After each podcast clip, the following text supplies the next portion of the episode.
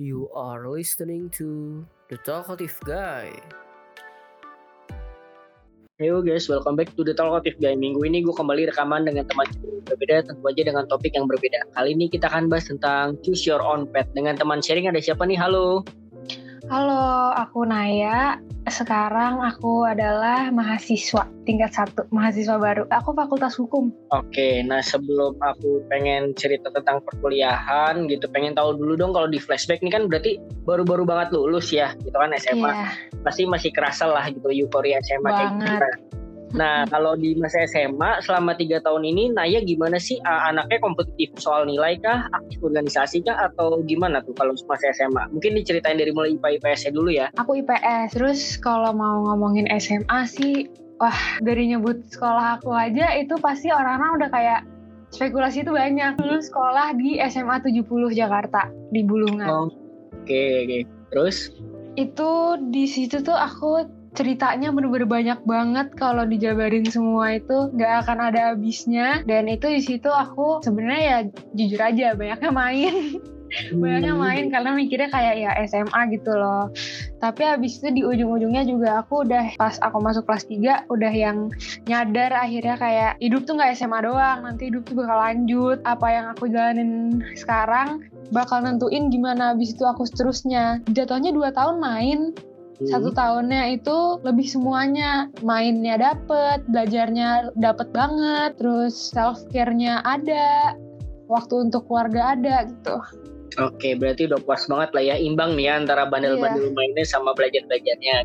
iya Nah, aku pengen tahu juga kalau misalkan dari segi jurusan gitu, pemilihan IPA, IPS, dan di SMA tersebut tuh orang tua ikut campur mengarahkan gitu, apa sebenarnya udah pilihan Naya sendiri, guys? kalau aku milih IPS itu 100% pilihan aku sendiri dan orang tua aku itu nggak ada komen-komennya karena orang tua aku tuh selalu bilang ke aku kayak ya udah terserah yang penting dijalanin yang bener pilihan 70 itu sebenarnya jatuhnya pilihan kedua ya. Hmm. tapi uh, pas mau milih aku juga udah sadar diri sama pilihan pertama aku. Jadi ya udah deh 70 aja mumpung bagus juga gitu loh. Iyalah, termasuk kompetitif berarti nih ya, soal nilai. Kan nggak sembarangan juga nih bisa masuk 70 nih kan?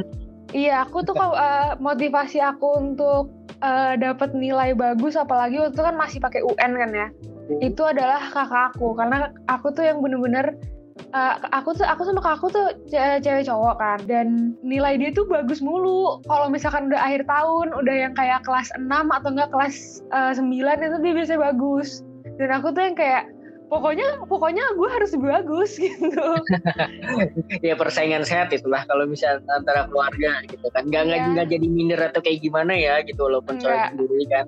Oke nah terus salah satu momen paling berkesan pada saat SMA apa nih yang bisa diceritain nih? Boleh yang pas serang-serang bandelnya boleh pas serius berprestasi atau apa gitu terserah. Kalau masa-masa yang paling paling indah lah ya Hmm. itu sih aku aku susah ya nyebutinnya karena maksudnya kayak aku ngerasa tiga tahun itu kebersamaan se- segala-gala waktu kebersamaan sama teman-teman aku entah yang eh, circle aku geng aku gitu ataupun yang kayak angkatan itu tuh udah kayak nggak bisa nggak bisa dipilih yang mana yang Hmm. paling seru yang mana yang paling pengen diulang rasanya tuh pengen ngulangnya tuh semuanya gitu loh pokoknya jadi intinya lebih kepada berkesan ke momen-momen sama teman-temannya ya kebersamaan Iya, gitu teman-temannya daripada kayak misalkan untuk belajar atau yang kayak ngerjain tugas kayak gitu ya ah ah ah, ah. Oke ya, maksudnya nggak ada salahnya juga sih namanya SMA kan waktunya dinikmatin mungkin ya kalau kuliah kan udah nggak bisa nih kan pasti harus Iya.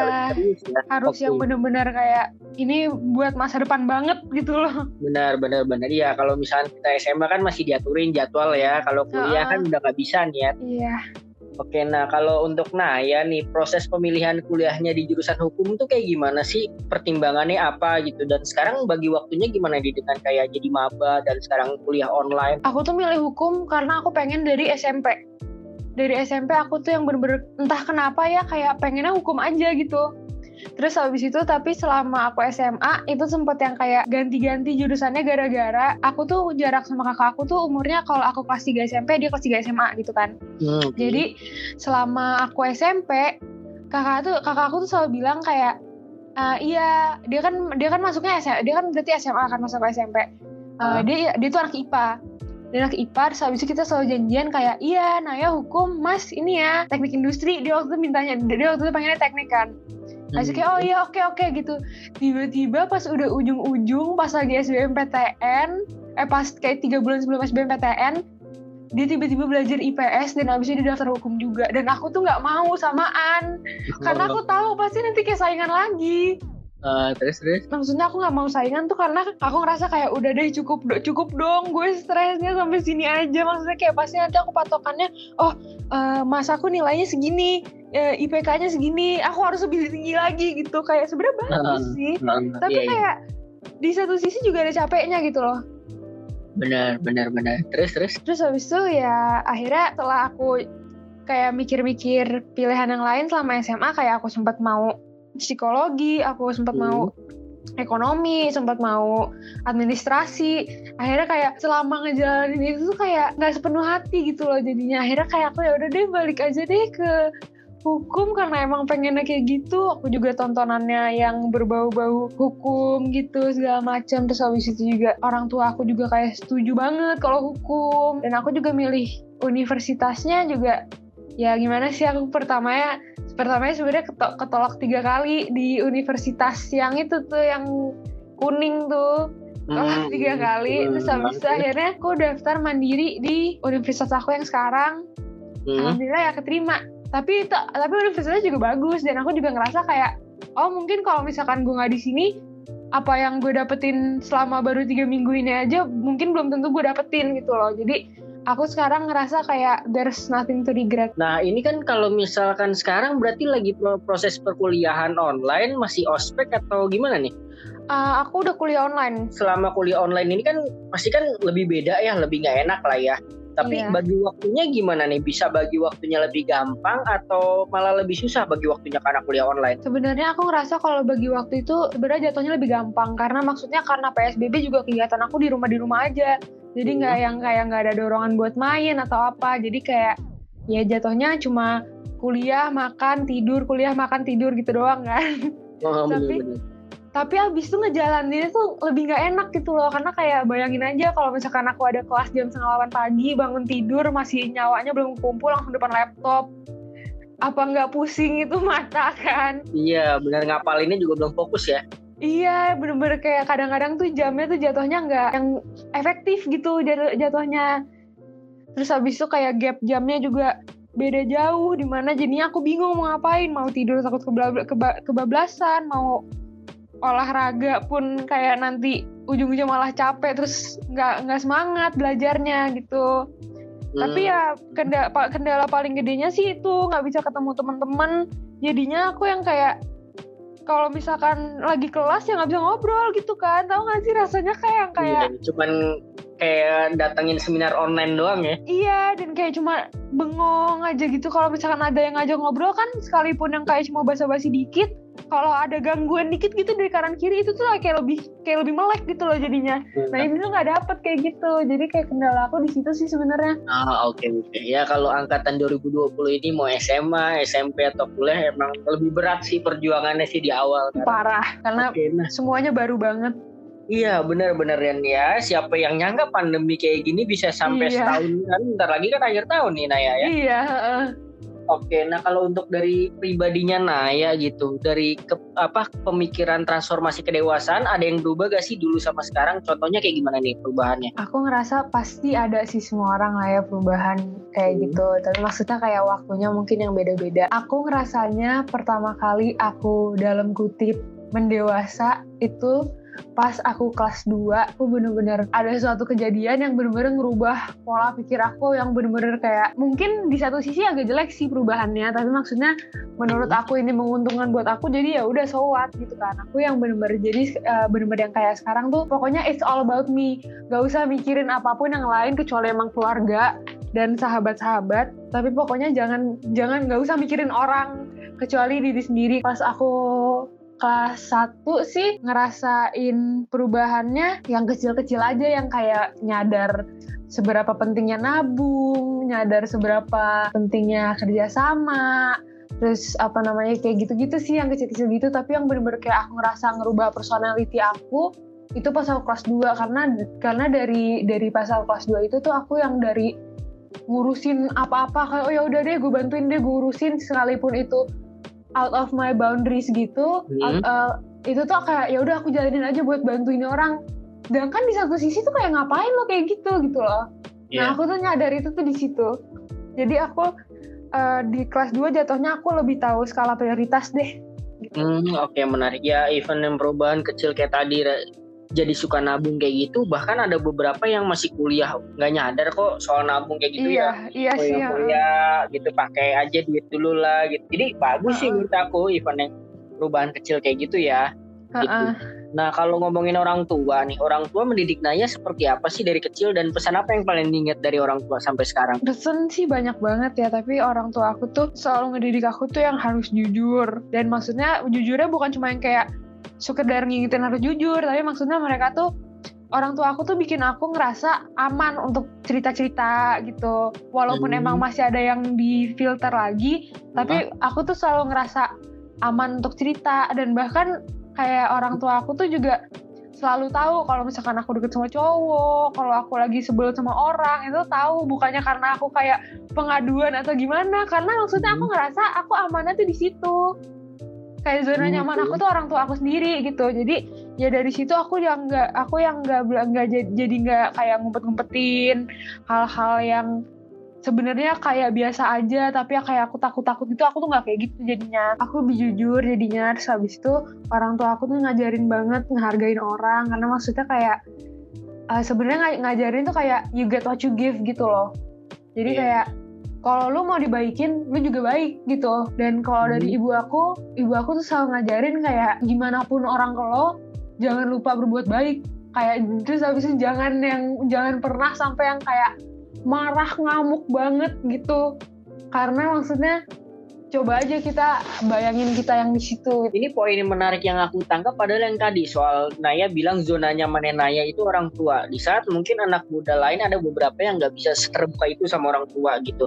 Nah, Naya bisa kasih pa- sedikit pandangan nggak sih supaya sebenarnya ada benefitnya loh kita lebih terbuka ke orang tua dan mungkin bisa dimulai dari cara seperti apa gitu kalau Naya. sebenarnya tuh menurut aku orang tua tuh beda-beda lah ya semua orang dan untungnya di aku orang tua aku tuh lebih terbuka lebih open minded lah gitu jadi kayak kalau misalkan aku gimana gimana aku cerita aku nggak akan yang kayak dijudge gitu. Kayak mungkin ada judgement dikit tapi itu juga yang kayak kritik membangun gitu loh. Hmm. dan menurut aku benefitnya itu adalah gini deh orang tua a- orang tua kita tuh umurnya jauh lah di atas kita. Berarti pengalamannya lebih banyak dong. Heeh. dan abis itu aku yak, aku selalu yakin kayak eh, seenggaknya kalau misalkan aku ngomong bisa aja orang tua aku tuh ada saran harus ngapain yang mereka dulu pernah ngalamin palingan gitu. Tapi di sisi lain zaman juga udah beda. Kayak banyak hal-hal yang aku rasain yang ternyata pas zaman orang tua aku tuh belum ada. Nah di, nah, di sisi lain kalau kayak gitu juga ya aku bisa ngajarin hal baru juga ke mereka. Jadi jatuhnya kayak win-win solution juga. Dan di mana orang tua aku juga terbuka banget sama aku. Kalau ada masalah kalau ada apa pun itu tuh sering juga cerita aku sama kakakku sama orang tua aku kayak gitu Oke, jadi emang dibiasakan dari maksudnya dari orang tuanya Naya juga membuka forum untuk diskusi untuk kayak Iya, "Ayo, heeh. sebagai anak cerita apa kayak gitu ya. Tapi kalau misalnya Naya nih cerita ke orang tua, emang lihat sikon orang tuanya juga gitu lah, tuh kalau lagi moodnya happy cerita ah, kalau apa sebenarnya fine fine aja. Pas kapan aja juga bisa cerita. sebenarnya tuh cerita tapi aku nggak yang kayak tiba-tiba datang kayak ibu bapak eh, nanya gini-gini. Aku nggak yang kayak gitu. Kayak orang tua tuh orang tua aku tuh udah langsung bisa ngebaca aku gitu loh. Kayak misalkan eh, kalau aku lagi diem kalau atau gimana Oh, langsung kenapa gitu. Dan maksudnya kalau misalkan emang mereka lagi bete nggak mungkin nanya gitu maksudnya karena nanti malah kayak jadi mungkin nggak mungkin nganggapnya jadi beban pikiran gitu lah tapi maksudnya kayak somehow selalu pas aja gitu aku sama mereka itu koneksi hubungan antara orang tua dan anak lah ya. iya ah. yang yang jelas maksudnya aku pengen sharing ke pendengar kita bahwa ada loh ada teman sharing yang masih muda juga yang bisa seterbuka itu ke orang tuanya jadi nggak ada salahnya kalau misalnya emang nggak ada teman curhat sahabat apa kayak gimana ya coba aja ke orang tua sendiri gitu ya Naya ya Iya, karena maksudnya kayak kadang-kadang ada hal yang kalau misalkan kita cerita ke temen tuh malah kayak teman-teman kita yang kayak ih apaan sih nih orang Betul. gitu loh. Sedangkan benar kalau orang tua, berlebihan ya iya kalau orang tua aku orang orang tua tuh malah kayak se segi seaneh-anehnya seancur-ancurnya tuh kayak ya ini anak gue gitu loh maksudnya Kalau dalam hidup nih ceritain dong salah satu momen up gitu yang paling diingat sampai sekarang dan satu momen down gitu dari Naya. Apa aja bebas. down dulu deh ya Uh, kalau momen down itu aku sejauh ini sih masa kelas 2 tuh sebenarnya yang tadi aku cerita ada kejadian itu sebenarnya first heartbreak lah first, first heartbreak lah ya gitu Oke. Kayak Karena gitu, itu pertama kali jadi berkesan gitu ya. Iya, jadinya kayak itu tuh wah itu kacau sih. Makanya aku dari situ juga makanya aku belajar banyak banget dari yang kayak dari cuma baca sekedar baca-baca quotes sampai Hmm. yang kayak dinasehatin sama ibu aku gitu. Itu tuh yang kayak walah parah lah, itu kacau lah kalau ditanya ke teman-teman aku juga Hmm. diketawain. Masalah itu tuh sampai jadinya sekarang itu jadi bahan bercandaan gitu loh kayak Hmm. tem- teman-teman aku tuh selalu yang kayak ya lu dulu aja kayak gini gitu dan Hmm. dan walaupun itu momennya nyebelin banget yang bener-bener rese banget tapi jadinya kayak aku ngerasa kayak ya jadi cerita lucu aja gitu seterusnya Hmm, oke. jadiin pelajaran dan jadi cerita lucu aja gitu Oke, nah ini nyambung ke yang peristiwa down. Aku sekalian nanya, ketika down itu Naya gimana sih proses bangkitnya? Kan ada yang bangkitnya itu kayak lebih cepat dalam arti nggak usah pikir lama langsung bangkit bisa termotivasi. Ada juga yang memang prosesnya sedih-sedih dulu, menyendiri dulu atau butuh support system. Kalau Naya tuh kayak gimana? aku mungkin karena baru pertama kali banget jadinya Hmm. aku yang bener-bener bingung gitu mau ngapain akhirnya ya diem habis itu murung habis itu ngedown gitu sampai aku yang kayak nggak nafsu makan segala macam. Tapi ya itu untungnya eh, keluarga aku nemenin sahabat-sahabat aku nemenin. Akhirnya kayak di satu sisi aku kayak di otak aku tuh juga kayak snap gitu loh. Kayak "Ih, ngapain Hmm. sih gue kayak gini? gitu. Walaupun walaupun ya berapa bulan lah tapi maksudnya kayak ya everything has has its process gitu Hmm, oke oke. Ya berarti kan dalam arti kayak mengenali kesedihannya dulu ya, menikmati Iya, dulu ya nggak heeh. masalah gitu. Kalau peran support system juga penting ya bagi Naya ya. iya heeh. Oke, nah kalau untuk momen up-nya atau momen bahagianya apa nih yang paling diingat sampai sekarang nih salah satunya? momen bahagia sebenarnya buat aku tuh banyak banget ya karena aku tuh orangnya kayak seize the moment banget dan ini bakal kedengeran aneh dan kedengeran kayak bullshit banget tapi kalau misalkan kayak di lagi ngumpul atau gimana gitu kan kalau anak-anak yang seumur aku anak zaman sekarang tuh pada pegang handphone gitu kan kayak video-videoan. Aku tuh nggak kayak gitu. Karena aku tuh ngerasa aku harus bener-bener secara fisik dan secara emosional hadir di situ.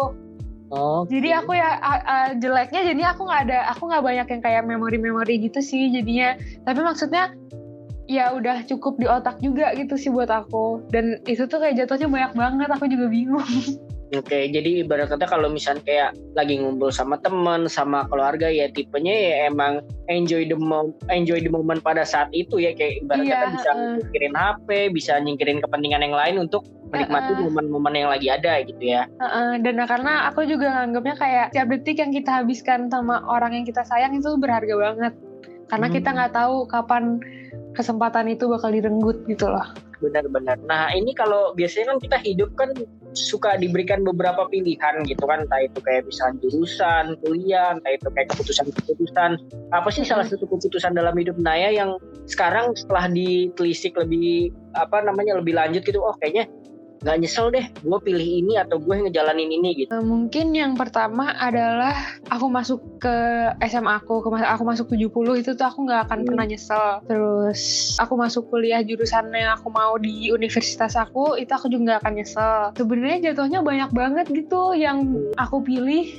Yang pertama itu rasanya kayak aduh gue salah nih di sini, tapi habis itu ujungnya kayak eh iya sih bener juga nih di sini gitu loh. Ya maksudnya dalam artian emang awalnya kadang yang paling musuh utama kita kan kalau ngambil keputusan ya diri kita sendiri ya kayak ragu gitu kan. Iya. Ini sebenarnya bener gak sih? Tapi setelah dijalaninnya, kalau kita milihnya pakai hati nurani dan pendirian kita teguh ya fine fine aja ya, Naya yang jalanin. Iya dan dan kayak walaupun misalkan awalnya tuh kayak rasanya salah, ya itu namanya ini apa namanya adaptasi kayak itu tuh karena itu tuh hal baru dan kita tuh nggak terbiasa. Makanya kita ngerasa kayak aneh kayak, duh kayaknya gue nggak cocok deh. Itu sebenarnya cuma karena kita ya harus give it time gitu loh. Kita harus kasih waktu untuk kitanya juga uh, Iya, ngerti lingkungan kita, ngertiin apa yang kita jalanin dan tugas-tugas kita.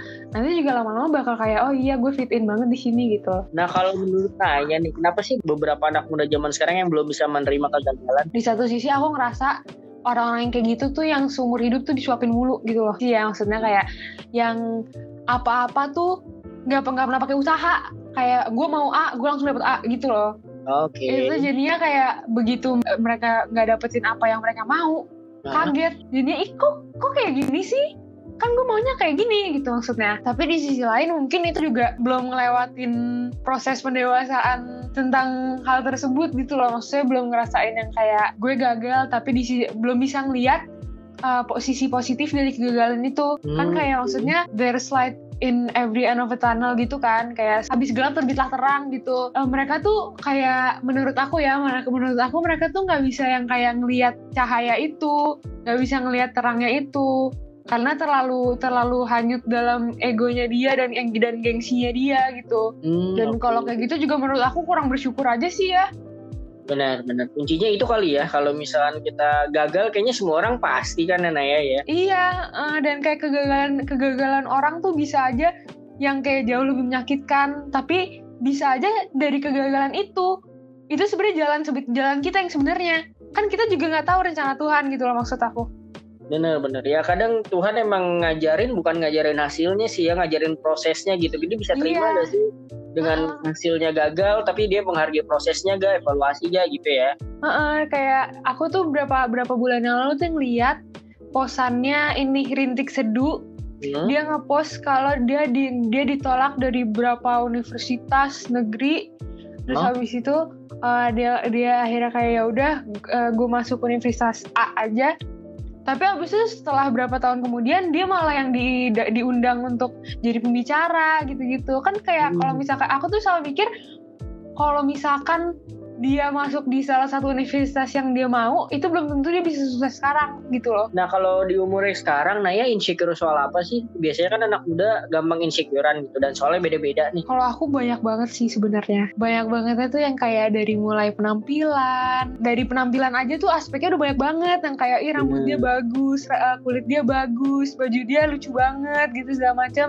Sama ya balik lagi karena aku kompetitif, aku insecure soal nilai dan pelajaran. Aku tuh kalau misalkan lihat orang kayak lebih ambis daripada aku nih, aku langsung kayak aduh, kok aduh kok dia kok dia ambis, gue harus lebih ambis Hmm. lagi nih gitu loh kayak Iya, iya. jadinya jadinya jatuhnya nggak mau kalah gitu Ya berarti selama ini ambisnya ini lebih ngefek ke yang nega yang positif apa yang negatif nih? Dalam arti pernah ngerasa kayak draining atau kayak lelah gak sih dengan kayak ngerasa beban wah harus lebih bagus, harus lebih ini, harus lebih ini apa? Sejauh ini masih fine-fine aja kalau Naya. menurut aku efek positif dan negatif itu selalu uh, selalu ada dan aku ngerasain banget di insecurity sama nilai aku karena bener-bener baru aja baru aja kejadian nih Hmm. uh, aku tuh yang kayak ngelihat orang lain ambis abis aku kayak oh ya udah gue harus ngerjain juga selain biar uh, nggak ketinggalan sama orang lain juga biar aku bisa dapat waktu istirahat yang lebih.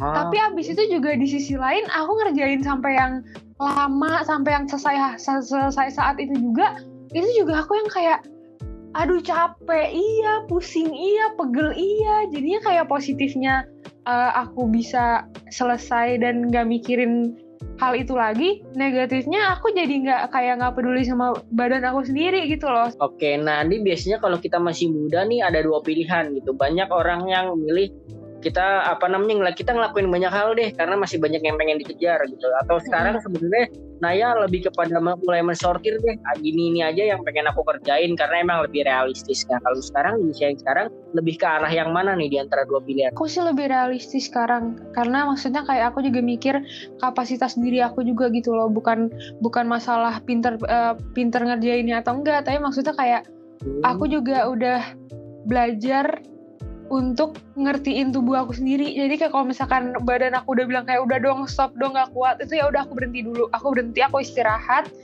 Aku istirahat tuh minimal tuh 15 menit. Kalau misalkan lagi aku ngerjain sesuatu yang di, yang di depan laptop itu kalau aku udah ngerasa kayak aduh ini kayaknya badan gue bilang stop. Jadi aku Hmm. stop dulu 15 menit. Aku makan dulu atau minum dulu habis aku langsung kerjain lagi jadi maksudnya kayak aku lebih realistisnya karena maksudnya demi ya kesehatan gitu sih sebenarnya karena kayak kalau kita ngejar angan-angan tanpa mikirin yang lain juga belum tentu dapat tapi udah tapi udah pasti juga kitanya tuh malah yang kayak sakit juga gitu loh Iya, ya intinya lebih kepada balik-balik lagi seperti kata Naya tadi ya pikirin diri sendiri aja dulu gitu ya. Iya, Apakah heeh. dengan nanti kita ngedapetin semua yang kita mau bakal bahagia kan belum tentu juga ya nantinya ya. Iya dan maksudnya pikirinnya tuh bukan cuma kayak pikir eh, mikirin diri sendiri bukan cuma kayak oh gue pengen ini enggak kita mikirin Hmm. juga eh, kemauan kita terus abis itu fisik kita kuat apa enggak tenaga Hmm. kita dan waktu kita juga gitu loh dan bahkan aku aku juga ngerasa harus mikirin lingkungan kita di mana maksudnya kalau misalkan aku terlalu banyak kegiatan pasti aku nggak ada nggak bisa spending time sama keluarga atau gitu dah Hmm, benar-benar menarik. Nah, kalau di umur yang sekarang, Naya s- kerasa susah gak sih milih-milih pertemanan dalam arti kan pertemanan ada yang toksik, ada yang emang Hmm. kadang ada datang pas senangnya aja, ada yang emang benar-benar sehat gitu. Gimana nih kalau soal pertemanan? kalau aku aku ngerasa bisa sih milih pertemanan buat aku tuh sekarang kayak eh, jauh lebih mudah daripada pas aku SMP gitu lah ya karena mungkin udah lebih ngerti orang gitu kan Eh, aku tuh orangnya tuh selalu yang kayak pakai feeling banget pakai intuisi lah gitu dan abis itu biasanya kalau kayak gitu lebih cenderung lebih lebih cenderung lebih sering bener gitu. Jadi kalau misalkan aku ngelihat orang terus abis itu aku kayak lagi memutuskan gue temenan sama dia nggak ya? gitu. Terus habis itu aku milih enggak. Berapa lama Hmm. kemudian kebukti kenapa aku harus kenapa aku harus menjauhi dia gitu loh.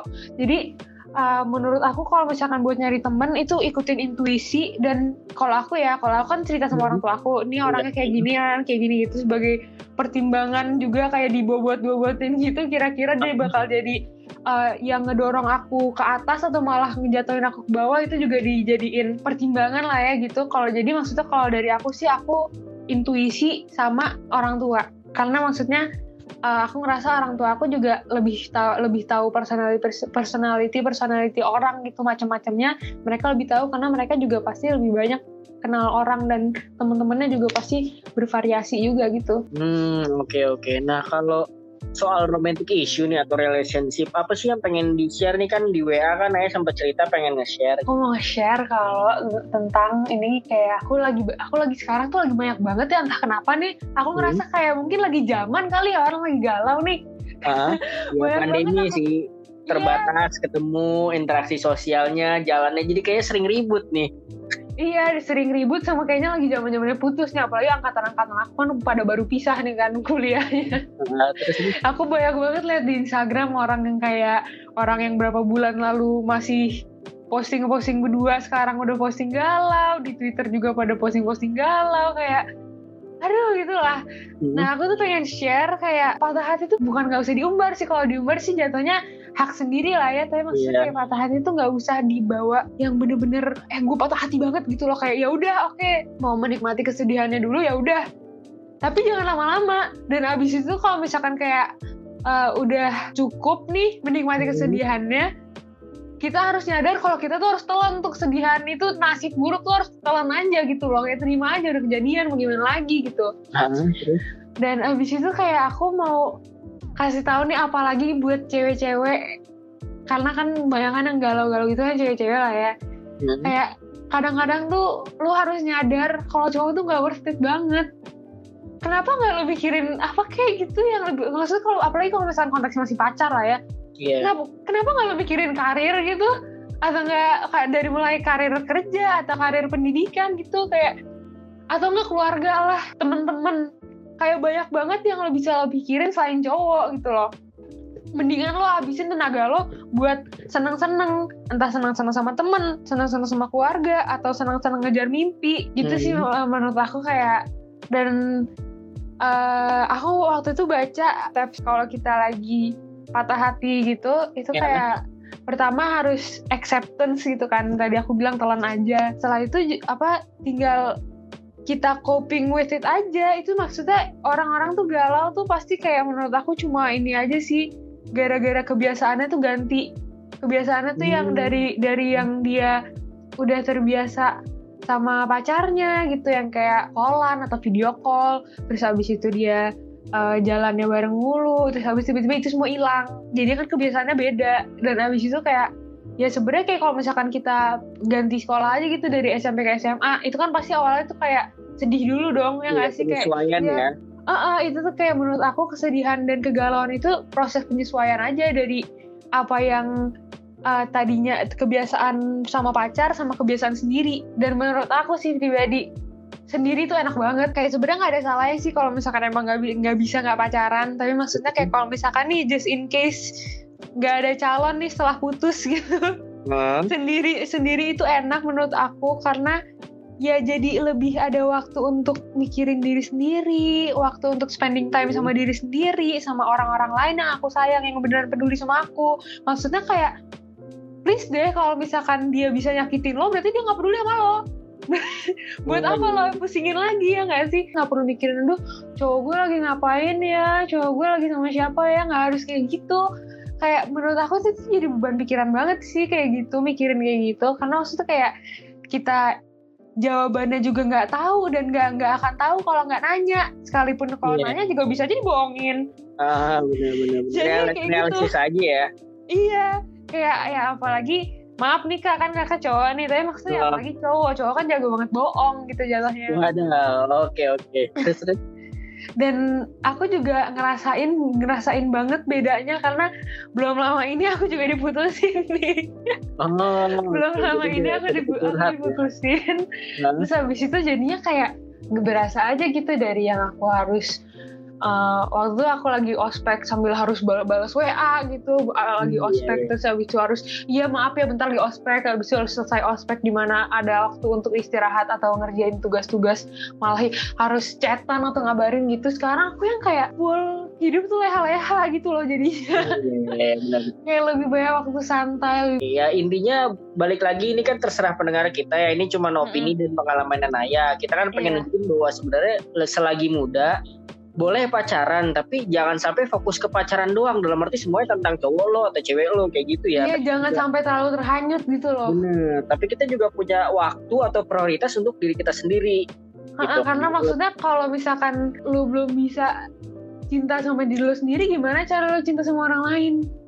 Iya, benar-benar dalam artian lebih sehat lagi kalau kita bisa punya pacar, bisa saling support dan kita juga bisa berkembang nih bareng ya. Itu udah iya, ideal lah. Dan iya apalagi perempuan aku tuh ngerasanya tuh kayak kalau misalkan cowok nyari cewek yang suportif tuh cewek kan orangnya banyak kan yang kayak pengertian gitu, pakai pakai perasaan hmm. gitu tuh jadinya kayak lebih banyak yang ya gitu yang suportif apalagi stigmanya kan cowok tuh yang harus sukses segala macam gitu kan tapi menurut aku nih aku yang aku pelajarin nih kalau cewek nih kalau misalkan lo udah ngerasa lo itu cewek ambisius kalau misalkan lo itu workaholic lo ambisius lo yang kayak nggak bisa nggak kerja atau lo perfeksionis pilihannya tuh cuma antara lo punya cowok yang seambis lo hmm.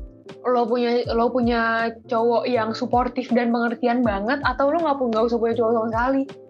Iya benar-benar itu tuh mengalami juga sih aku sih di lingkungan emang yang teman kerja atau bos-bos ya emang cewek yang emang udah keenakan kerja kadang ya begitu udah ngerasa ya udah nih bisa sendiri kok semuanya ngapain? Iya gitu jadi kan. jadi lupa gitu kayak gue, gue jadinya kayak gue nggak butuh ngapain gue nyari gitu benar benar benar. Nah, itu tetap balik lagi pilihan cuman agak bahaya juga kan kalau misalkan kayak gitu ya. Kalau iya sih. aku kayak... menurut, uh, menurut aku juga bahayanya karena kayak di satu sisi ya masa lu ya sebenarnya nggak apa-apa sih kalau emang mau selamanya sendiri tapi maksudnya jatuhnya hmm. kayak ya masa sih selama lamanya banget sendiri gitu sih benar-benar. Ya kadang kita kan secara agama juga diciptain kan udah pasang-pasang ya. Kalau iya, misalkan uh. sebenarnya kita usaha ada ke sana ya kalau ada jodohnya ya pasti ada aja iya benar-benar Oke, nah kalau kita beralih sekarang ngomongin ke sosial media dikit. Nah, kalau menurut Naya, dengan makin banyaknya orang-orang yang mengaku influencer, menurut Naya gimana sih yang asal keluar gede dikit, seribu dikit, dua ribu dikit, terus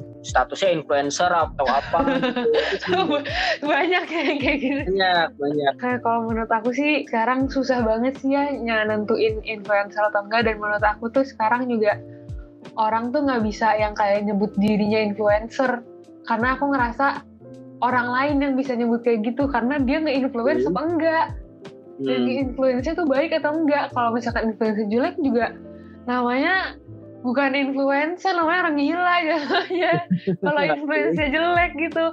Terus habis itu kayak ya sekarang sekarang aku juga ngeliat sih banyak banget orang tuh yang kayak hal-hal yang sebenarnya bukan negatif sih. Eh sebenarnya bukan jelek bukan negatif itu maksudnya kayak hal-hal yang seharusnya tuh nggak kayak gitu. Hmm. itu kayak diromantisasi gitu loh. Di kayak "Ih, iya dia goals banget. Kayak ini bukannya nyinggung ya tapi maksudnya kayak misalkan banyak kan yang kayak eh, ini deh yang waktu itu youtuber sempat sempat rame gara-gara eh, ini si cowok ini nih umur 24 tahun nikahin cewek umur 15 atau 16 tahun gitu. Oh emang ada ya? ada kak ada. Waktu itu udah dia nikah setelah itu nggak lama kemudian uh, keluar ini batas umur cewek nikah itu dinaikin jadi 19 itu tuh kayak pas banget berapa bulan setelah dia nikah. Terus habis itu dia tuh uh, dia tuh kayak ngonten banget gitu loh jatuhnya. Kayak Hmm. maksudnya kayak kalau misalkan emang uh, mau bikin family vlog ya ya udah bikin family vlog. Tapi konten dia tuh yang kayak uh, gimana caranya bisa yakin sama pasangan yang yang beda umur segini. Terus habis itu kayak uh, ceweknya ngasih tips buat nyari pasangan kayak maksudnya kayak lo tuh belum seharusnya ngomong kayak gitu karena sekarang aja karena nanti kayak bocah-bocah seumuran lo nanti malah ngikutin Oke. sedangkan itu tuh yang harus dikurangin banget mau overpopulation gimana lagi Indonesia gitu loh Iya iya iya benar-benar. Ya jangan Bener, kasih panggung sama orang-orang yang cuman cari sensasi atau negatif. Maksudnya yang sebenarnya nggak usah dipublikasi segitu ininya ya, segitu banyaknya gitu ya. Iya dari si cowok ini tuh kurang ajarnya dia tuh ngomong kayak gini. Dia tuh kayak pas diserang sama uh, yang kayak komunitas-komunitas feminis gitu yang kayak lo tuh nggak jangan jangan jadi promosi nikah muda yang semuda ini gitu.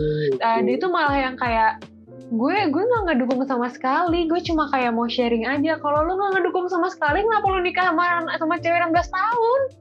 Ya nggak sih? Hmm, Iya iya, ini aku juga baru tahu nih. Nanti aku coba cari tahu deh. Menarik. Wah, itu- menarik. itu seru banget sih kayak itu seru banget tuh kasusnya aku baca di Twitter itu seru banget Hmm. Terus habis itu yang kayak banyak lagi ya yang kayak uh, misalkan uh, ada juga nih yang apa viral gara-gara MBA. Sebenarnya aku nggak ngejudge MBA-nya sih jatuhnya tuh kayak ya udah terserah lo. Uh, dan dia juga sharing kayak iya ini gue tuh kejadiannya kayak begini gini gini dia ngejelasin gitu dan maksudnya dia juga si influencer ini tuh uh, ngasih sisi positifnya dia kayak gue orangnya kayak begini begini begini. Ini yang bisa lo contohin dari gue ini gue tuh orangnya kayak gini gue tuh orangnya bertanggung jawab. Terus habis itu prinsip gue kayak gini ini prinsipnya juga emang bagus tapi aku agak lupa lupa inget itu. Tapi yang jelas yang diomongin tuh bagus. Tapi orang-orang tuh malah yang kayak nangkepnya tuh tentang MBA-nya doang. Hmm, Iya, beda konteks ya. iya kayak dia ngomongin tentang apa yang dia lakukan dalam arti maksudnya kayak intinya bukan ngasih tahu nih kalau lo ngambilin anak orang lo harus kayak gini bukan kayak gitu maksudnya lebih ngasih tahu kayak lo jadi orang tuh harus bertanggung jawab Apa pun orang- keadaannya Iya. ya. apa pun konteksnya lo jadi orang harus bertanggung jawab lo harus lo jadi orang tuh harus respect dan kayak dia dia, dia juga ngajarin kayak kalau misalkan hubungan itu antara sama pacar sama pasangan sama orang tua sama keluarga gimana itu harus komunikasinya baik dia tuh nyampein kayak gitu tapi banyak banget orang yang kayak Ih mau juga, mau juga lah, gila lo men, sumpah. Iya, gila ngomong kayak gitu. Ya, zaman sekarang setiap orang bisa nge- nge-influence, makanya itu kita harus lebih hati-hati ya apa yang kita mm, sharing mm. ya. Jangan sampai even kita cuman nge-repost atau reshare, kita kita harus juga tahu ya konteksnya nih apa nih, berbahaya Iya, apa enggak nih gitu kan. Kalau misalkan kita buat aksi kayak ya itu, kayak ngepost di Instagram tanpa kita bener-bener mengkaji kayak dan kita tahu diskusi dan teorinya ya itu jatuhnya blow on gitu loh. Hmm, mempermalukan diri kita sendiri sih ntar sama Iya. orang yang ngerti pasti orang yang ngerti komen nih lu kayak gini jadi orangnya kayak gimana pasti dikomenin Iya dan abis itu kayak nanti kalau misalkan dikomenin sama orang yang ngerti, abis itu pasti didebatin dong ya nggak sih orang Iya. biasanya kayak gitu didebatin begitu didebatin diem kan jatuhnya kayak aduh kelihatan banget sih lo begonya gitu loh. iya iya. Bahkan jurusan adalah sorry sih bro gitu. Sos- sosmed buat santai aja lah nggak usah serius Iya, serius itu- padahal dia yang nge-share gitu kan. Itu lebih malu-maluin banget gitu loh kayak seenggaknya kalau misalkan dia mau ngepost itu pelajarin dari postnya dia supaya dia bisa ngebelain postnya dia sendiri kayak. Iya iya ini cuma yang kayak ngikutin hype-nya aja gitu jatuhnya. Nah, abis itu kalau misalnya untuk Naya sendiri nih, Berarti sosial media itu toksik apa enggak nih? Dan Instagram Naya sekarang gunanya buat apa aja nih pakainya? Menurut aku kalau misalkan toksik atau enggaknya itu balik ke, ke kita sendiri sih. Kayak Hmm. misalkan uh, bukan cuma konten yang kita pilih, tapi cara kita nangkep konten tersebut. Kayak yang tadi aku cerita orang uh, orang yang MBA dia cerita tentang kayak pelajaran-pelajaran hidup yang dia dapetin, tapi ditangkapnya malah gimana gitu. Itu tuh kayak kalau misalkan nih, kalau misalkan aja uh, nangkepnya sesuai dengan maunya dia, yaitu tanggung jawab, komunikasi, respect gitu, itu pasti itu itu orang jadinya jatuhnya bagus. Jadinya Iya. jatuhnya kayak sekalipun dia punya dia bikin kesalahan, tapi dia ngajarin ke orang tuh yang baik. Tapi kalau misalkan uh, kita nangkepnya jelek, malah dia yang jatuhnya toksik, yang dia kelihatannya malah jadi kayak toksik, padahal sebenarnya enggak gitu. Jadi itu kayak pertama itu sesuai sama, eh, itu tergantung kita masing-masing mau nelen bulat-bulat atau mau difilter lagi sesuai yang benar gitu maksudnya. Hah? Dan kalau Instagram aku sih sebenarnya cuma bener-bener buat sharing moment saja sih ya. Kayak apa ya ya ngeposting-posting uh, antara foto aku, foto teman, foto sama keluarga gitu maksudnya. Uh, dan ya sekarang kan gara-gara uh, kuliah online jadinya Hmm. semua sebenarnya harus di-post gitu kan. Ya itu Instagram aku buat kayak gitu. Oke ya berarti just for fun nggak yang harus ada target likes atau target ngepost apa kayak gitu-gitu enggak ya? Uh, enggak dan maksudnya aku juga ngerasa kayak ngapain kayak gitu gue artis juga bukan. Oh oke oke. Ya nggak masalah sih sebenarnya intinya dari sosmed kan ya buat for fun ya dalam arti kalau misalkan kita ngeset buat nge-influence apa kayak gimana ya asal kita ngejalanin fun ya nggak masalah gitu ya. Iya, jangan jadi kayak ah gue pengen jadi influencer tapi abis itu jadi beban sendiri juga. Benar Ya benar. sih jadi percuma gitu kayak jatuhnya eh, esensi dari sosial medianya juga hilang. Ah, oke oke ini menarik nih. Nah, ini yang terakhir aku pengen tanya nih dalam 4 sampai 5 tahun ke depan dalam artian udah lulus kuliah nih, eh, apa sih yang pengen digapai atau yang pengen dijalanin lagi oleh Naya gitu? Mungkin cerita dari kayak nanti targetnya pengen freelance apakah atau apakah selama kuliah nanti sampai nanti kerja? Kalau aku sih eh, selama kuliah yang pasti yang aku pikirin juga sebenarnya tadinya aku angan-angannya tuh banyak banget dia mau kuliah sambil kayak gini gini gini macam Hmm. tapi pas aku ngejalanin aku juga mikir gue nggak bakal bisa kayak gitu Hmm, terus terus. jadi aku palingan ngerasa ya kayak palingan kalau misalkan aku yang mau nyari duit sendiri ya carinya kerjaannya yang lebih santai yang lebih fleksibel kayak misalkan nah, aku kerja di coffee shop gitu atau enggak misalkan Hmm. aku uh, freelance apa kayak joki tugas apa enggak yang sekarang kan orang bikin bisnis bersibuk titipan kos gitu pokoknya yang kayak Iya, Yang idenya makin banyak sih, makin kreatif sih sebenarnya. iya uh, dan, dan menurut aku kayak kayak gitu-gitu kan bisa jadi bisa dijadiin inspirasi jualan makanan segala macem itu tuh kayak jatuhnya kan nggak yang sebeban nggak nggak bebannya tuh nggak yang kayak aduh gue harus kerja gue harus ini itu segala macem kayak gitu. Maksudnya kayak sekalipun jualan makanan kan juga bisa PO gitu yang kan orang banyak yang kayak jualan makanan PO seminggu seminggu gitu kan. Jadi kayak pasti kalau selama aku kuliah pasti selain kegiatan kuliah organisasi aku gitu pasti ya kerja yang simpel-simpel gitu. Tapi lima tahun ke depan setelah lulus setelah, setelah lulus S1 sih aku sejujurnya pengennya lanjut lagi pendidik lanjutin pendidikan lagi. Hmm, kenapa tuh? karena karena uh, cita-cita aku tuh harus ngelewatin kayak gitu banyak banget. Uh, aku tuh sebenarnya dari lama aku pengen jadi lawyer tapi eyang aku tuh nggak setuju Oh, kenapa tuh Eh. banyak ininya, banyak perdebatan atau banyak takut kenapa-napanya gitu? Uh, lebih ke kayak kalau misalkan nanganin kasus gitu kan kita belum tentu di pihak yang benar sedangkan uh, kita bisa aja dibayar sama pihak yang salah jadi harus belain dia tapi aku juga mikir kayak kan bisa nggak diterima gitu jobnya ya kayak kayak influencer aja gitu dapat job ABCD kalau misalkan emang nggak sesuai sama mau dia kan bisa ditolak gitu kan.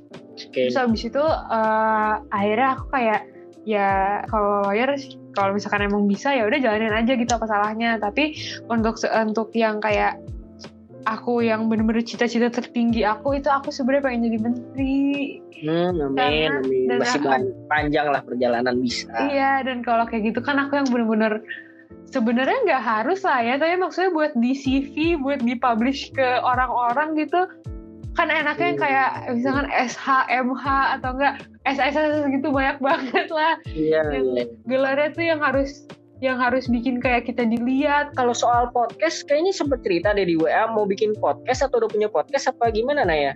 waktu itu aku sempet pas kayak bulan Mei Juni gitu sih aku sempet bikin di karena aku nggak ngerti pakai Anchor, pakai Spotify, aku bikin di Hmm. Instagram. Jadi pakai Oh, uh, pakai live terus habis aku post ke uh, ke IGTV aku gitu kan. Tapi habis itu dari yang dari pas kayak abis bulan puasa kayaknya deh itu aku yang kayak duh gue harus belajar banget nih. Karena aku ketinggalan Oh. banyak banget buat SBMPTN aku ngerasa kayak ini kan aku kan bikinnya kayak tiap minggu gitu kan tadinya kan. Kayak tergantung sama siapa aja aku ngomongin karena aku maksudnya juga mempelajari orangnya masing-masing gitu juga. Aku sempat aku bahkan sempat nge-live bareng ini Om Adi MS Oh, Dan- keren keren. Terus. Dan itu tuh kayak itu juga dapat itu juga dari connection sih. Dia, dia temen deket sama bapak aku gitu kan. Jadi bisa terus habis itu eh, apa namanya eh, akhirnya kayak aku ngejalanin habis itu aku ngerasa oh ya harus belajar dulu. Ya udah aku stop dulu belajar.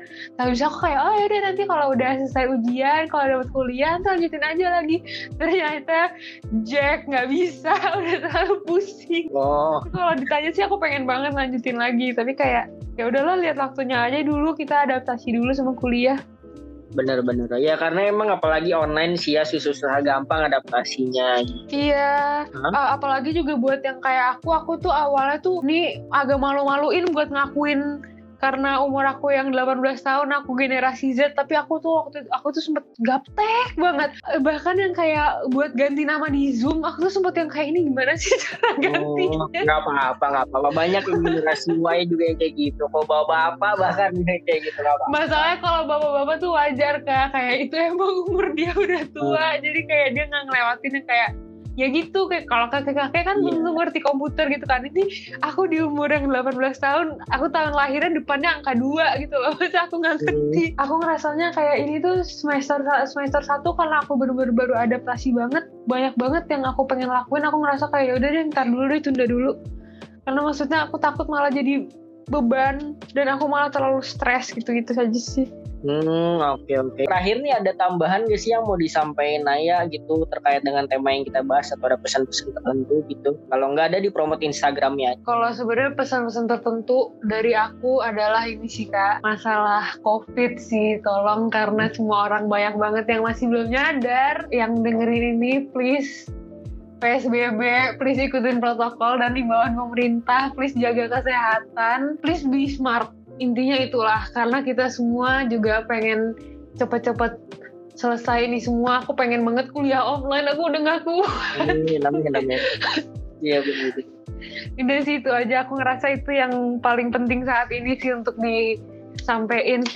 Benar, dan per hari ini aku baru tadi baca satu dari 150 orang di Jakarta itu positif COVID. Jadi kita misalnya kita Wah. ngumpul se- 100 150 orang nih, kita ngumpul nih. Pasti satunya tuh ada yang COVID gitu. Rasionya tuh makin makin apa namanya makin mengecil dalam arti udah makin deket ke inner circle kita nih kalau kita nggak bahas Iya. nggak hati-hati nih itu kan yang ngerinya kayak gitu kan Padahal berapa hari yang lalu aku ngeliat berita ini loh kak, katanya uh, kurvanya melandai. sehari melandai besoknya tuh naik bener-bener bisa sampai 3.000 4.000 per hari padahal dulu tuh awal-awal tuh cuma 500 1000 nah ini sekarang di saat negara-negara lain makin melandai dan bahkan hilang ini di Indonesia masih ada beberapa negara yang nge-blacklist Indonesia loh untuk Iya, luar negerinya gitu. Jadi bener-bener bahaya banget sih. Kita udah nggak bisa ngandelin pemerintah nih udah kita mesti ngandelin diri kita sendiri nih. Iya benar. orang terdekat udah mesti paling jaga-jaga gitu. Bahkan ini kalau uh, intermezzo dikit ya gitu. Nah ya kalau misalnya Naya baca berita tuh ada berita yang bahkan nyuruh himbauan pemerintah untuk pakai masker di dalam rumah Mm-mm. itu itu Aku baca maksudnya maksudnya aku ya? Udah nggak make sense gitu loh. Nih apa yang salah sih gitu maksudnya? Kan ya masa iya sampai dalam rumah pakai masker gitu apa nggak ada preventif yang lain? Kan kalau aku ngarepin dari pemerintah ada berita yang lebih penting gitu ya daripada Hmm. itu gitu kan. Harusnya penanggulangan kayak gimana gitu sih. Makin mengerikannya di situ sih. Nah apalagi kayak sumuran sumuran kita sebagai anak muda kadang-kadang gitu sih ya kadang suka oh ya udah sama teman nggak masalah lah tahu ya kok dia kenal gimana lama dia gimana segala Ah, macam. itu sih yang lebih bahaya sih ya amit-amit sih ya jangan sampai kejadian yang enggak Ah, ah, ah. Tapi tapi aku juga ngeliat ini sih kota-kota lain justru lebih cepet ininya daripada Jakarta. iya bener bener bener lebih Karena maksudnya lebih kemarin ketat tuh ya juga kemarin tuh juga rame di TikTok di Surabaya itu tuh kayak banyak mobil-mobil gede ya kayak tronton-tronton patroli buat nangkep-nangkepin yang nggak yang nggak ikutin protokol. Wah itu serem Hmm. banget sih. Orang Jakarta digituin malah komplain. iya sih bener kalau perlu dipermaluin sih kayak aku kepikiran bahwa ya udah orang kadang-kadang kan suka nongkrong di pinggir kali apa kayak misalkan tongkrongan-tongkrongan pinggir jalan gitu udah siram air got lah biar pada bubar gitu Iya. kayak gitu kan jadi emang harus lebih keras sih kalau di Jakarta ya secara penduduknya lebih padat nih kan. Mall apalagi masih buka kan. Wah itu Mm-mm. kita nggak tahu kan.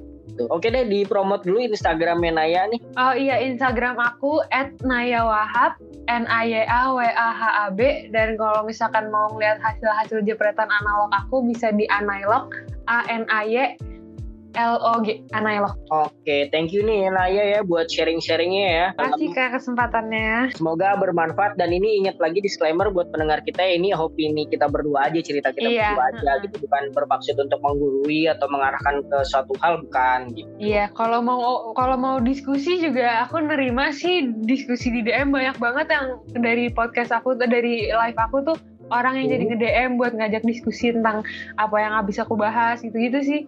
Siap, siap. Semoga nanti kita bisa kolaborasi konten-konten positif lainnya ya Naya ya. Amin. Oke, sukses selalu juga ya. Thank you guys yang udah dengerin episode kali ini. Sampai ketemu minggu depan. Bye-bye. Bye-bye. Don't forget to follow us on YouTube, Spotify, and Instagram at the Talkative Guy underscore ID.